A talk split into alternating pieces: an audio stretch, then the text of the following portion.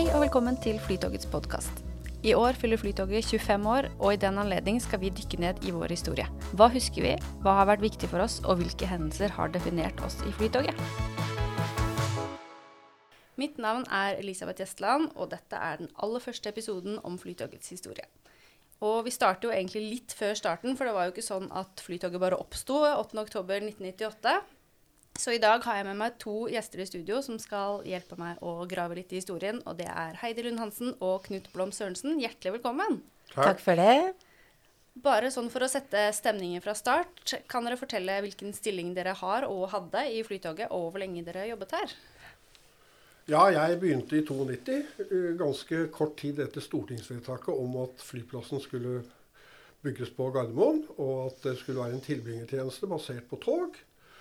Eh, da fikk jeg stilling som prosjektdirektør for eh, eh, prosjektering av den kommersielle driften og anskaffelse av tog. Og så Noen år senere gikk min organisasjon inn i det selskapet som hadde utbyggingsansvaret, NSB Gardermobanen AS. Og da ble jeg eh, markedsdirektør med fortsatt ansvar for å utvikle den kommersielle delen av selskapet. Eh, kjøreplaner, eh, servicekonsept, markedsføring, prissetting og også kommunikasjon. Så avslutning eh, de siste årene så hadde jeg den stillingen som Heidi L har nå, som distribusjonssjef, mm. før jeg da sluttet. Og det er faktisk nå ni år siden. Ja. ja jeg har vært i Flytoget siden 99, og da ble jeg ansatt av Knut Blom Sørensen som salgs- og markedssekretær. Mm. Jeg hadde et års eh, vikariat fordi hun som hadde den stillingen, var ute i barselpermisjon.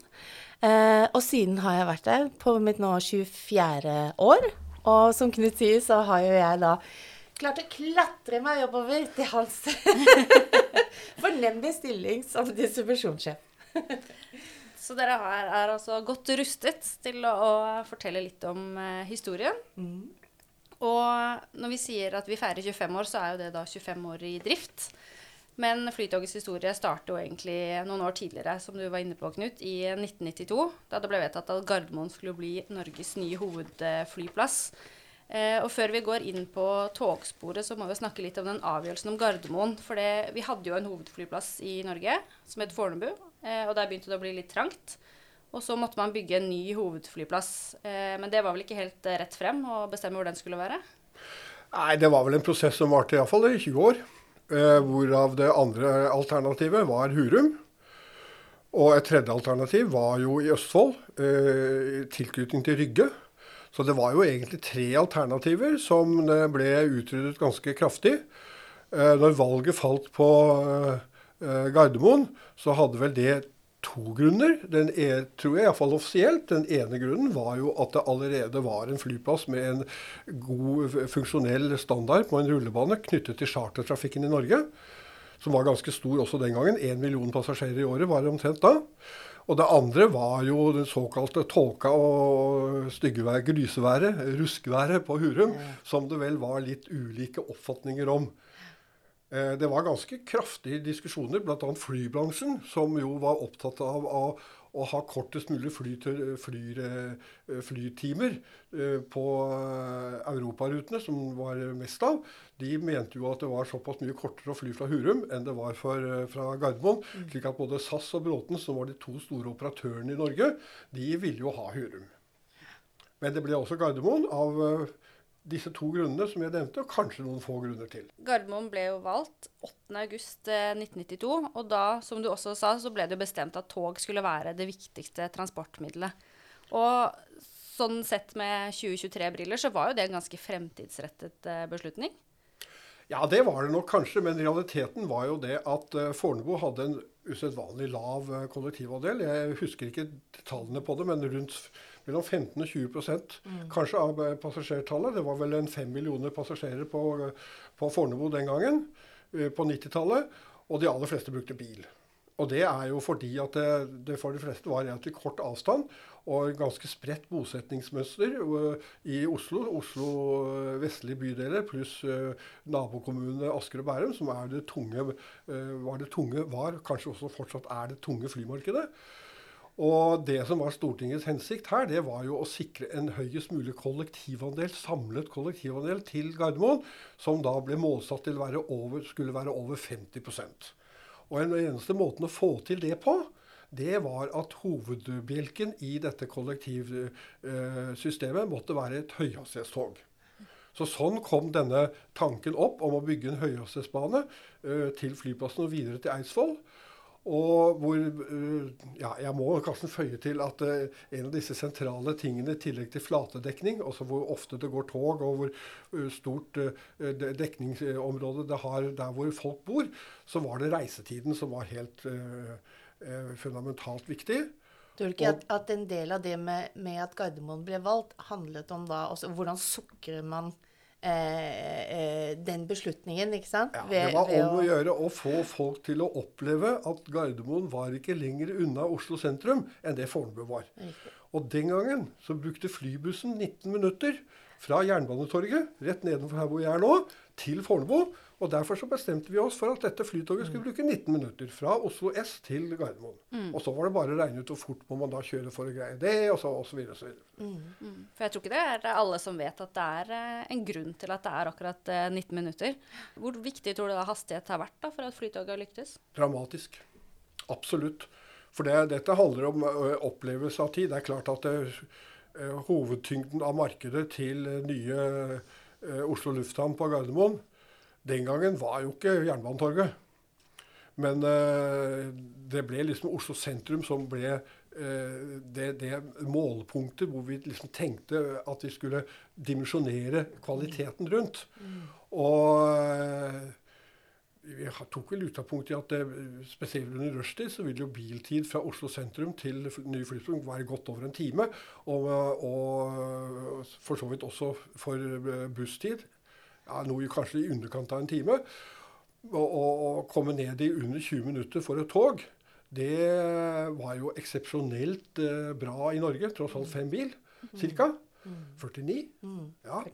Så, så, eh, men det som jeg har lyst til å presisere, er at det, ble selvfølgelig gjort beregninger bak dette her. Hva koster 18 minutter, 19 minutter, 20 minutter, 21 minutter? Hva koster det i motorkraft og, og dimensjonering av kjørevei osv. osv. Så, det er, ikke, det, er, det er, vel ikke helt riktig å si at det, det, var denne flybussen som alene bestemte at det skulle være 19 minutter. Men det, det ble brukt på en måte i kommunikasjonen som, et, som, et, som en måte å, å, å, å, få folk til å oppfatte at det var som å dra til Fornebu. Mm. Det var vel der ideen eh, kom fra. Ja. Mm. Mm. Og så er det jo litt sånn, når du ser nå et, eh, så, eller 25 år etterpå, da, hvor viktig fremdeles dette med 19 minutter er for oss. Eh, og dette med den oppfattelsen av at det er en forskjell i, i, reisetid som kanskje ikke er like reell i dag, men som står seg den dag i dag pga. det arbeidet som, som, Knut og gjengen gjorde eh, denne gangen. da. Mm. Ja, det er helt korrekt. Mm. Men hvordan starter man egentlig et sånn eh, prosjekt som det NSB Gardermobanen skulle være? Hvilken ende begynner man i? Det er jo ikke bare bare å altså Man skal lage et nytt selskap som skal bygge bane, skaffe tog, skaffe folk. Og ikke minst ikke sant, alt med visjoner og skape det som Flytoget etter hvert har blitt. Da. Jeg har lyst til å kanskje nevne to ting. og Det ene er at eh, det handler om kompetanse. Og kompetanse ikke nødvendigvis i tradisjonell togteknologi, men kompetanse i markeds- og kundeforståelse også. Å bygge bro mellom disse helt ulike fagelementene. Og det andre handler om innovasjon. Nytenkning. Og det tredje handler om at man bygger en organisasjon basert på åpenhet, tillit og, og entusiasme. Og det sier seg jo selv, og nå er jeg kanskje inne på noe som kan være litt vanskelig å snakke om. Utbyggingsselskapet som het NSB Gardermobanen AS, var eid av NSB. Og, øh, og det kommersielle øh, virksomheten, NSB Gardermotrafikk, som jeg ledet, var også eid av NSB. Og det er klart at NSB hadde også den gangen betydelig togkompetanse, men hadde etter mitt skjønn ikke den innovative evnen, eller den muligheten det er Kanskje ikke evne, men muligheten til å eksperimentere og, og, og, og tenke nytt på alle ting så jeg vil nok si at uh, det var bra for dette, uh, dette som ble selskapet Flytog AS, at vi nok ble isolert fra NSB selv om vi var eid. altså Isolert fysisk sett og kompetansemessig. Og bygget opp ganske fort to organisasjoner som også smeltet sammen etter et par år, når jeg gikk inn i Gardermobanen AS. Mm. Jeg tror svaret på spørsmålet ditt ligger mer i organisatoriske forhold enn det ligger i eh, lærebøker og kunnskap i sånn tradisjonell forstand. Mm. Det er evnen å, å, å, å, utnytte det og å bruke det. Mm. Mm. For det var, det var, også en utrolig entusiasme som var knyttet til dette selskapet fra dag én. Altså. Mm. Det var jo, eh, når jeg kom inn i 99, så var det jo en veldig sterk prosjektorganisasjon. Og når du skal bygge et, et, eh, en, en, driftsorganisasjon, da, som, som, et togselskap er, så handler det jo ekstremt mye om tog, skinner, eh, ruteplanlegging osv. osv. Men, eh, men Knut er jo en ekstrem eh, kommersiell person med en veldig kommersiell tankegang, og hadde da eh, klart å få på plass en del mennesker som, som ønsket å gjøre noe helt spesielt. Da.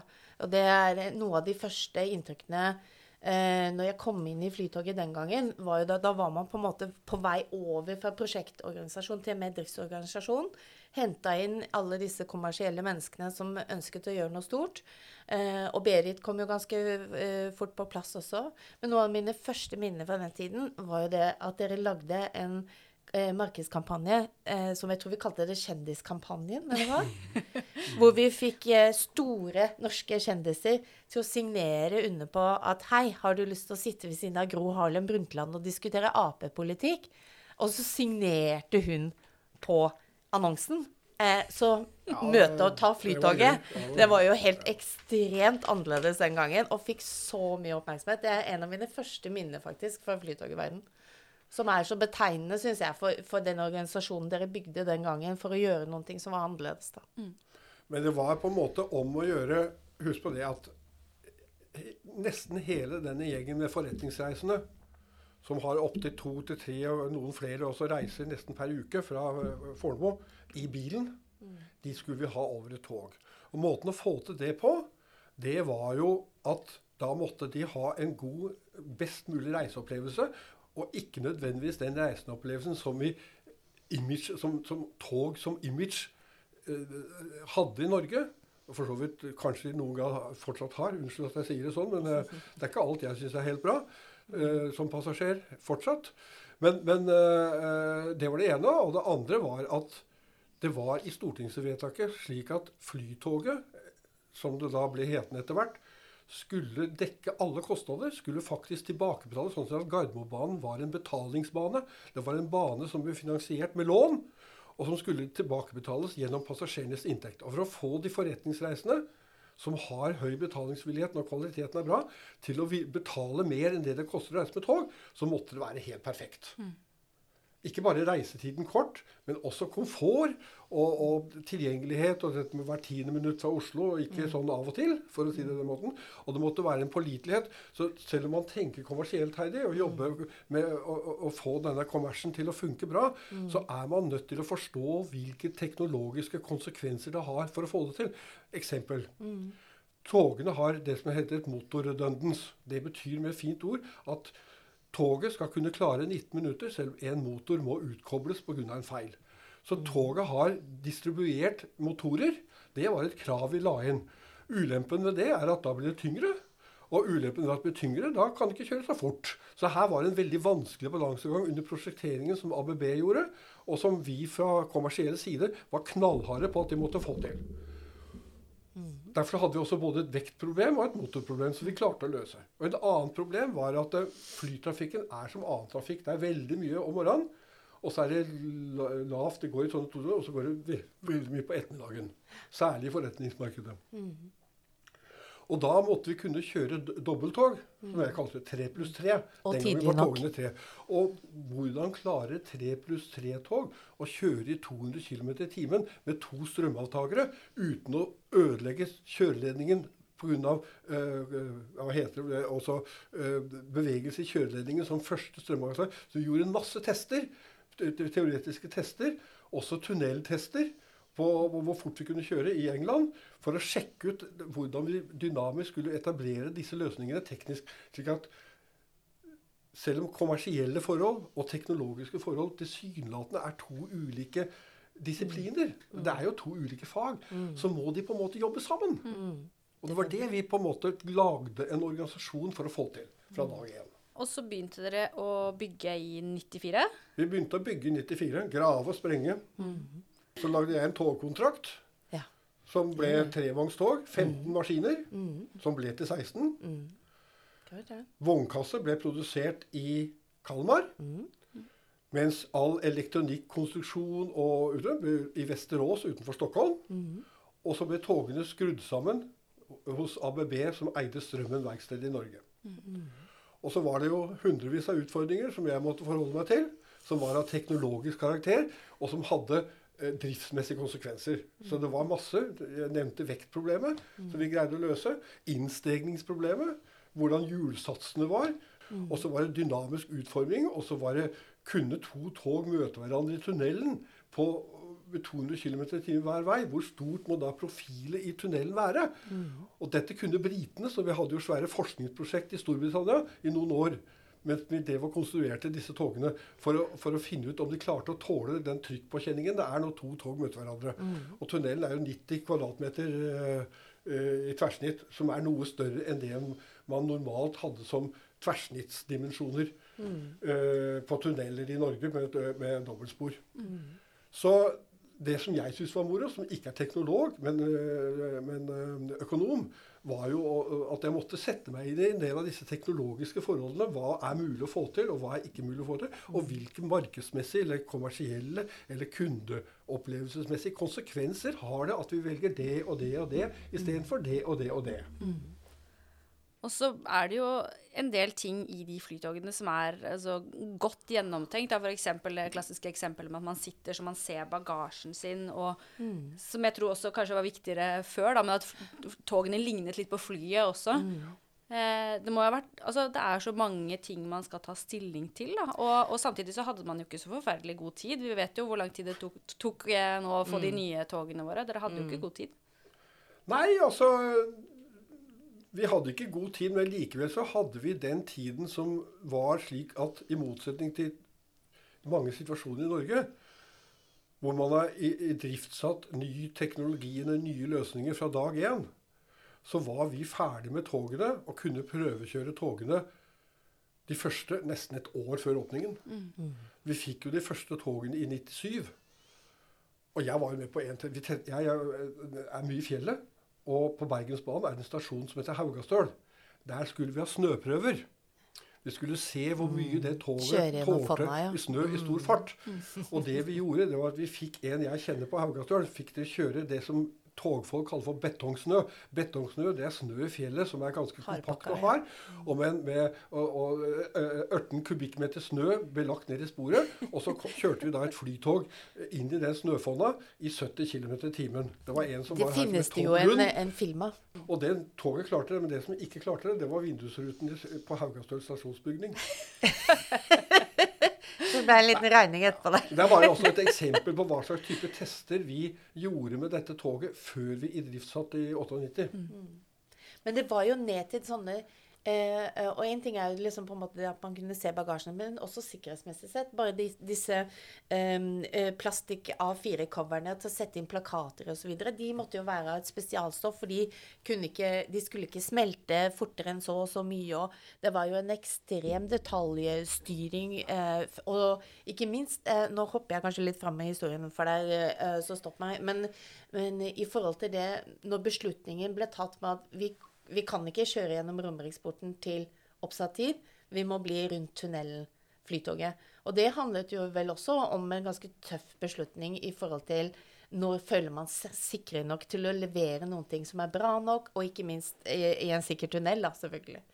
Ja, det var, ikke, det, det, det, var jo ikke bare det som gjorde det vanskelig, Heidi. Det var jo en ting til også, og det var at siden vi da fra 8.10.98 Vi begynte først, for så vidt to uker før flyplassen åpnet, som du husker.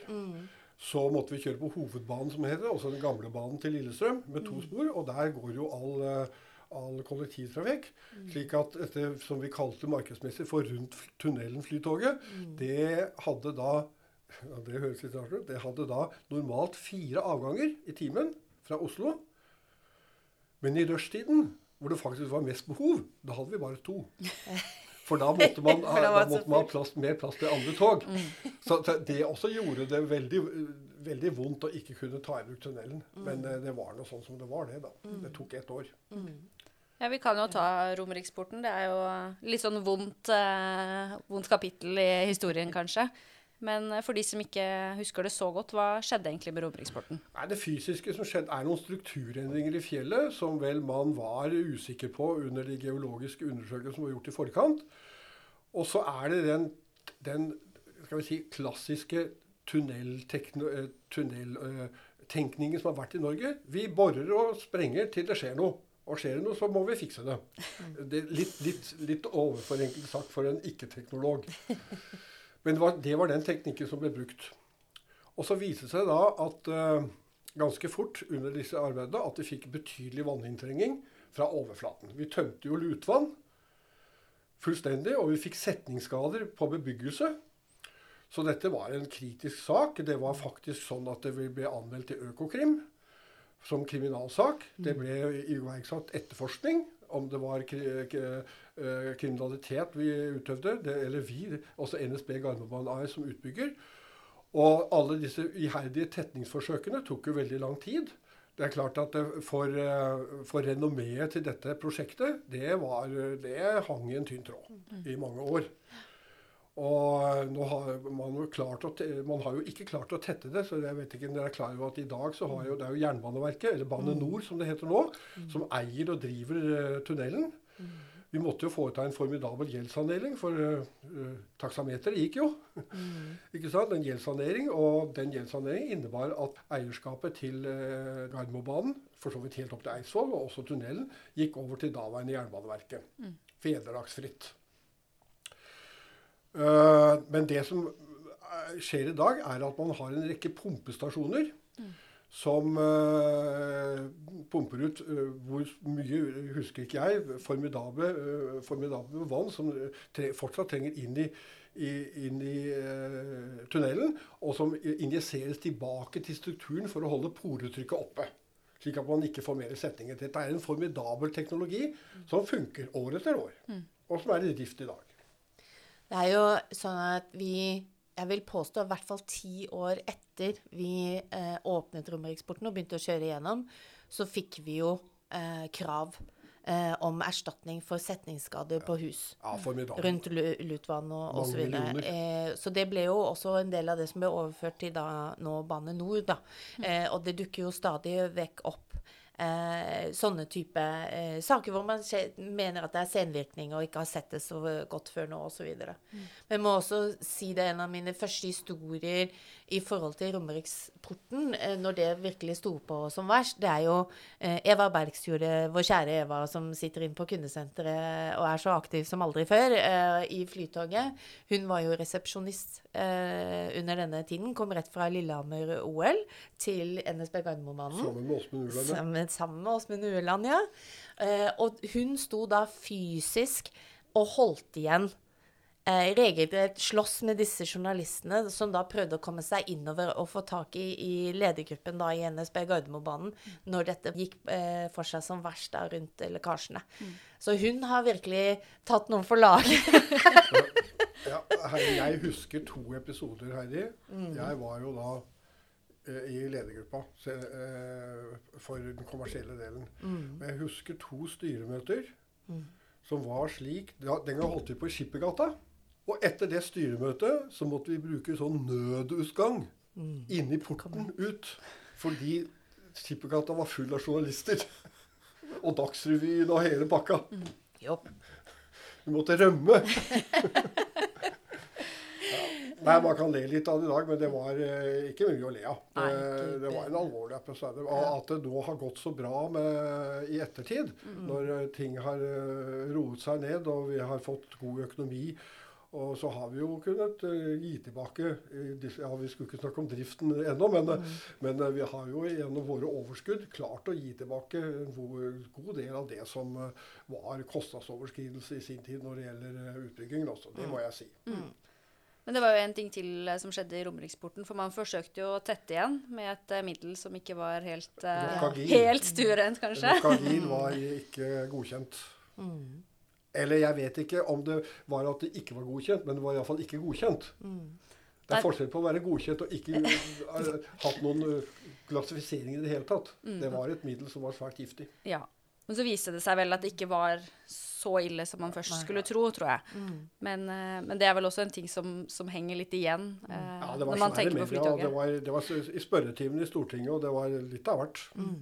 Ja, som du sa, så ble det jo da eh, rundt tunnelen Flytoget i nesten et år. Mm. Eh, jeg har jo funnet en annonse faktisk her fra Aftenposten i ja, 16.10.1998 rundt tunnelen Flytoget. Med og uten Romeriksporten et svært hurtig og komfortabelt transportalternativ mellom Oslo-området og Oslo lufthavn Gardermoen. Yes. Så det er jo det er stil over det her. Det, var til den samme eh, delen så lagde vi jo rutetabeller mm. som var altså så eh, omfattende at det var, det var sånn svært trekkspill da, som du bretta ut. Det var, når det var sammenbretta, så var det som et kredittkortstørrelse. Men for å få med alle eh, ifs and buts eh, i, i tabellen, så måtte vi jo lage litt sånn eh, trekkspilløsning. Så når du bretta det helt ut, så var det jo som et veikart. Ja, ja. men jeg vil jo si at det der rundt tunnelflytoget ble jo en suksess. Det er, det er en artig liten historie. Flyplassen hadde alvorlige problemer i oktoberdagene 98 ja. med snø. Mm. De hadde ikke snøberedskap god nok. Mm. Så det var vanvittige forsinkelser. Det eneste som funka, det var rundt tunnelen, Flytoget. Det mm. gikk daglig på tidtabellen. Det var ikke forsinkelser. Og KTI-en fauk i været fra dag én. Mm. Og så har jeg lyst til å si en ting, at en av de som virkelig hjalp oss til å kommunisere veldig godt til det, han heter Nils Petter Norskar. Mm. Så Nils Petter Norskar skal jo ha en av æren for dette flotte navnet rundt Tunnelen-flytoget, mm. som slo veldig godt an i markedet. Mm. Absolutt. Det er morsomt. Og så var det jo ganske mange flotte designvalg som ble tatt eh, for Flytoget. Eh, jeg leste at det var jo altså, Man vet jo at det var Pers Bok som utformet eh, de første uniformene. Men det var jo også, også f.eks. kontaktledningsmastene som hadde noe design mm. eh, vant pris for det òg. Ja, det var akkurat det. Veldig morsomt. For det, det som sto, var at de kontaktledningsmastene vant en pris, og så fikk uniformene andreplass. Ja. Og det er jo litt morsomt. Ja, Hva slags konkurranse er det? Er jo også Ørsta Stål ja. som produserte de. Ja. Som, så nei, altså man, man, gjorde gode valg, da, og det er jo morsomt mm. også. Ja, men det er nok litt kultur i mye av denne anleggsbransjen. At mm. man uh, lager priser for design, mm. også utforming av teknologiske løsninger, også elementer. Og de legger veldig vekt på at det skal være, ikke bare være funksjonelt, men det skal også se ålreit ut og flott, og folk skal like seg. Mm. Og sånn, altså, kontaktledningsmaster er vel ikke akkurat noe folk driver og ser på. Sexy som søren, det, spør du meg. Altså, ja, virkelig sexy greier. Aldri tenkt på det. Men det var jo sånne eh, størrelser, om man skal kalle dem det. Hva het, han het Mer Maier, han som lagde ja. selve kasseutformingen. Og så var det jo han Bruno Oldani som gjorde alt med toget ellers. Og han tok jo på, holdt jeg på å si, med seg Flytoget i døden. Det hørtes jo helt forferdelig ut. Men, men, han var så stolt av Flytoget-prosjektet mm. at det ble jo nevnt spesielt den dagen han gikk bort, og, og, over de tingene han var mest stolt av å ha vært med på. Mm. Han var en fantastisk karakter som gjorde utrolig mye for, for hvordan vi først fremsto. Og, og, som en skal kalle det, Hvis du skal gi toget en personlighet, så var det definitivt mye av han. da. Altså En ting til, og jeg til å nevne den historien at det, det, var ikke helt uten det var ikke helt uten utfordringer, jeg bruker et mm. diplomatisk uttrykk, å være eiet av NSB mm. så lenge som vi var. F.eks. så mente jo NSB at togene skulle lakkes, og de skulle være røde. Mm. Det satte jeg meg veldig imot. Eh, for det første så ble det jo valgt aluminium av vektgrunner, og kompositt. Fronten er jo kompositt, mm. som er noe av det letteste materialet. Så det var jo en endring i togtenkning i Norge. For norske tog de er tunge som bly, mm. for å si det rett ut. Men det var ikke flytogene. Og når du har eh, børsta stål, som du har, så er det et flott designelement i seg selv, og ikke lakke. Mm. Dette var vel litt inspirert av amerikanske tog, for amerikanerne drev jo ikke og lakket togene sine. Amtrak gjorde ikke det den gangen. Så de ble jo ikke lakket. Og på den måten så sparte vi jo Jeg tror vi sparte par tonn, noen tonn, men jeg husker ikke, per, per tog. altså ved å ikke lakke, For det er så veldig mange lag av primer og, og underlakk og overlakk og whatsoever på, på sånne tog. Og, og, det var en vanvittig kamp med NSB å få de til å gå med på som eiere at disse togene ikke skulle ha uh, ordinær uh, NSB-design. Og Meyer var jo en av de som uh, var veldig sterk i den diskusjonen med å støtte oss i å rett og slett benytte det, denne børsta stålkvaliteten som et visuelt designelement i seg selv. altså. Mm. Tenker du at det er en av de første episodene hvor, eh, hvor NSB tenkte åh, nå, nå begynner det å tegne seg et bilde av en slitsom lillebror som vi ja. kommer til å slite med i mange år? og hvem tror du kjente den mest? Nei, det er ikke sant. Ja, det Men det er jo veldig morsomt da, at det er så mange avgjørelser som er tatt for så lenge siden, som fortsatt er så mm. betegnende for Flytoget. Mm. Og en annen ting også, et annet utklipp jeg har hentet frem. Jeg fant noen gamle stillingsannonser også og her er vi i januar 1999, hvor det står at eh, Flytoget skal bli en av Norges ledende servicebedrifter. Tenk allerede da. Da jeg får gåsehud når jeg leser det, fordi jeg syns det er så morsomt at det var helt fra starten så var det service i, i høysetet, da. Mm. Ingen andre selskaper i Norge har over år hatt så høy KTI, altså kundetilfredshetsindikator, opp på 5-96 flere ganger. Og ingen andre selskap har flere ganger vunnet på uh, eh, NKB, Norsk kundebarometer. Mm. Mm. Mm. Tenk det. Og selv er... nå så ligger Flytoget på hva er det siste? Nest beste. Mm. Det er ikke dårlig, det, altså. Det er et resultat ja, vil jeg jo si nå, siden vi sitter her og det er 25 år siden, det er ikke bare et resultat at vi gjorde noen gode valg når vi prosjekterte, bygde banen og, og, og, designet togene. Det er like mye et resultat av at driftsorganisasjonen i disse 25 årene, sånn jeg ser det, har vært ekstremt innovative. Tenkt fornying. Hatt kundefokus som drivere og, og effektivitet. slik at mange av disse fornyingene som man er nødt til å gjøre for å holde, uh, opprettholde uh, kvalitet og, og lojalitet i, i, et marked, det har, har, skjedd i disse 25 årene. Mm. Det, ikke, det, er ikke bare, det er ikke bare at vi gjorde en god jobb i gamle dager. Også. Nei, men det var en viktig beslutning som ble tatt, i hvert fall. Ja, ja. Mm.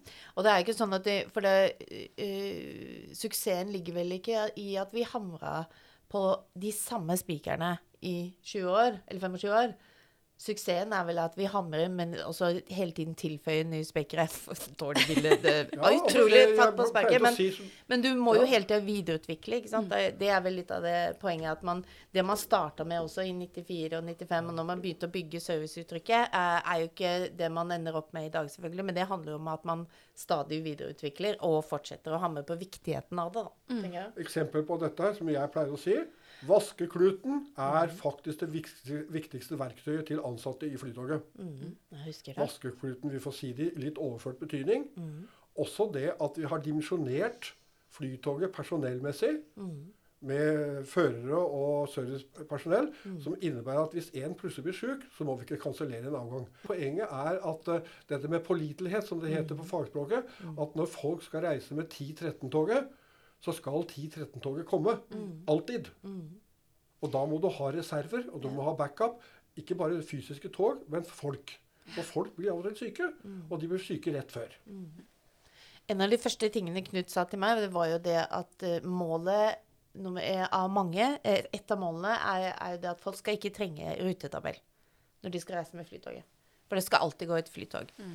Det var en ting. Den andre tingen var jo også veldig understreket av Berit eh, sjøl når hun kom på banen, var jo dette med hva, hva, er det du uttrykker som ansatt i Flytoget når du er der ute?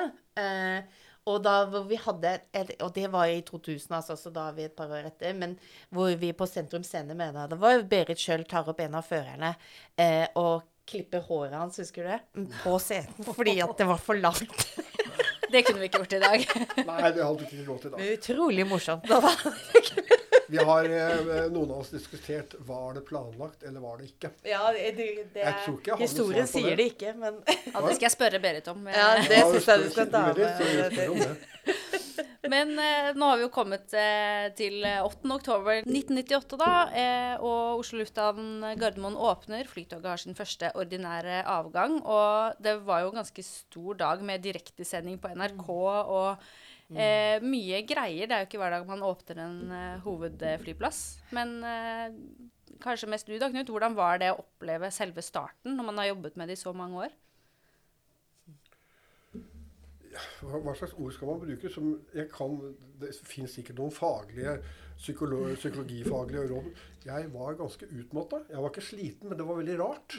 Du kan si at det, i en, en prosjektfase så har man noen stramme tidsrammer og noen kvalitets- eller leveransekrav osv. Men det er ikke helt krise om det går en time eller en dag eh, før ting blir levert, hvis det er en plausibel grunn for det.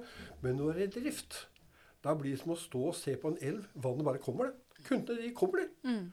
Og da plutselig den overgangen fra at du på en måte hadde kontroll med omgivelsene, til neste dag hvor du ikke har kontroll med omgivelsene, fordi kundene bare kommer, de. Jeg, jeg husker vi snakket en del om det, hvor vanskelig den omstillingen på en måte øh, var. Å innstille seg 24 timer i døgnet, mandag til altså, hva heter det, 7.24. Så, det, så, så renner det vannet. Men det gjør ikke i en prosjektfase. For da er det ikke noen kunder. Og det er faktisk en mye større forskjell enn man umiddelbart skulle tro. Særlig når man har jobbet så komplekst og så dypt og så lenge. Så, så at vi fikk, eh, vi fikk jo Berit Kjøll som ny Andir. Vi hadde en av våre eh, fungerende Ottar Remman, hvis du husker han. da Han var fungerende akkurat den overgangstiden inntil Berit over, eh, tiltrådte. Men Berit var veldig opptatt av akkurat dette her med at eh, det var noen organisasjonsendringer som vi måtte gjøre. Vi måtte finne oss noen nye jobber, og vi måtte liksom kna litt og gjøre ting litt annerledes enn vi gjorde i prosjektfasen. Og det hadde hun selvfølgelig helt rett i at vi måtte gjøre, og det var krevende for mange av oss. Ikke uhåndterbart, men krevende. Eh, nå nærmer vi oss eh, slutten av denne episoden, for vi skal jo snakke mer om Flytogets historie i videre episoder. Men jeg vil gjerne runde av med å spørre hva dere husker best fra deres tid i Flytoget. Er det én ting som, som står igjen som eh, det sterkeste minnet? Nei, det, det klarer jeg ikke. Men ikke som det sterkeste, men som et sterkt minne. Det morsomme, det absolutt morsomme, var den der snøtesten på Haugastøl. Og vi knuste ruter. Det var den morsomste. Men den var faktisk ganske viktig også. Ja. Men den, den, den, det største minnet, det var vel når det første flytoget rulla ut fra garasjen Ja, det heter vel ikke det på togspråket, men det er jo ikke så mye togmennesker. Ut fra verkstedhallen på Strømmen, nypolert og blank. Og med Thomas Havnegjerde i- på, på, holdt på, å si, på taket. på Nei, ut av et vindu. Det husker jeg. For da var det var liksom på en måte synliggjøringen at det, nå, nå er vi klare. Og den datoen husker jeg vel ikke. Det var vel eh, Nei, det kan vi ikke huske. høsten 97, eller altså neste eh, litt, ja, altså, en, eh, Fem-seks måneder før.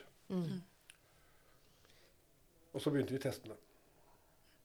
Da, da føltes det som eh, alvor, kan jeg si. Ja, jeg har lyst til å nevne én ting til som jeg synes var morsomt. Var, jeg var veldig hissig på å minne alle om at det, det infrastruktur, altså kjøreveiskonseptet vi har, det heter S25. S står for Siemens, og 25 betyr 250 km i timen. Togsystemet vårt er laget for 250 km i timen.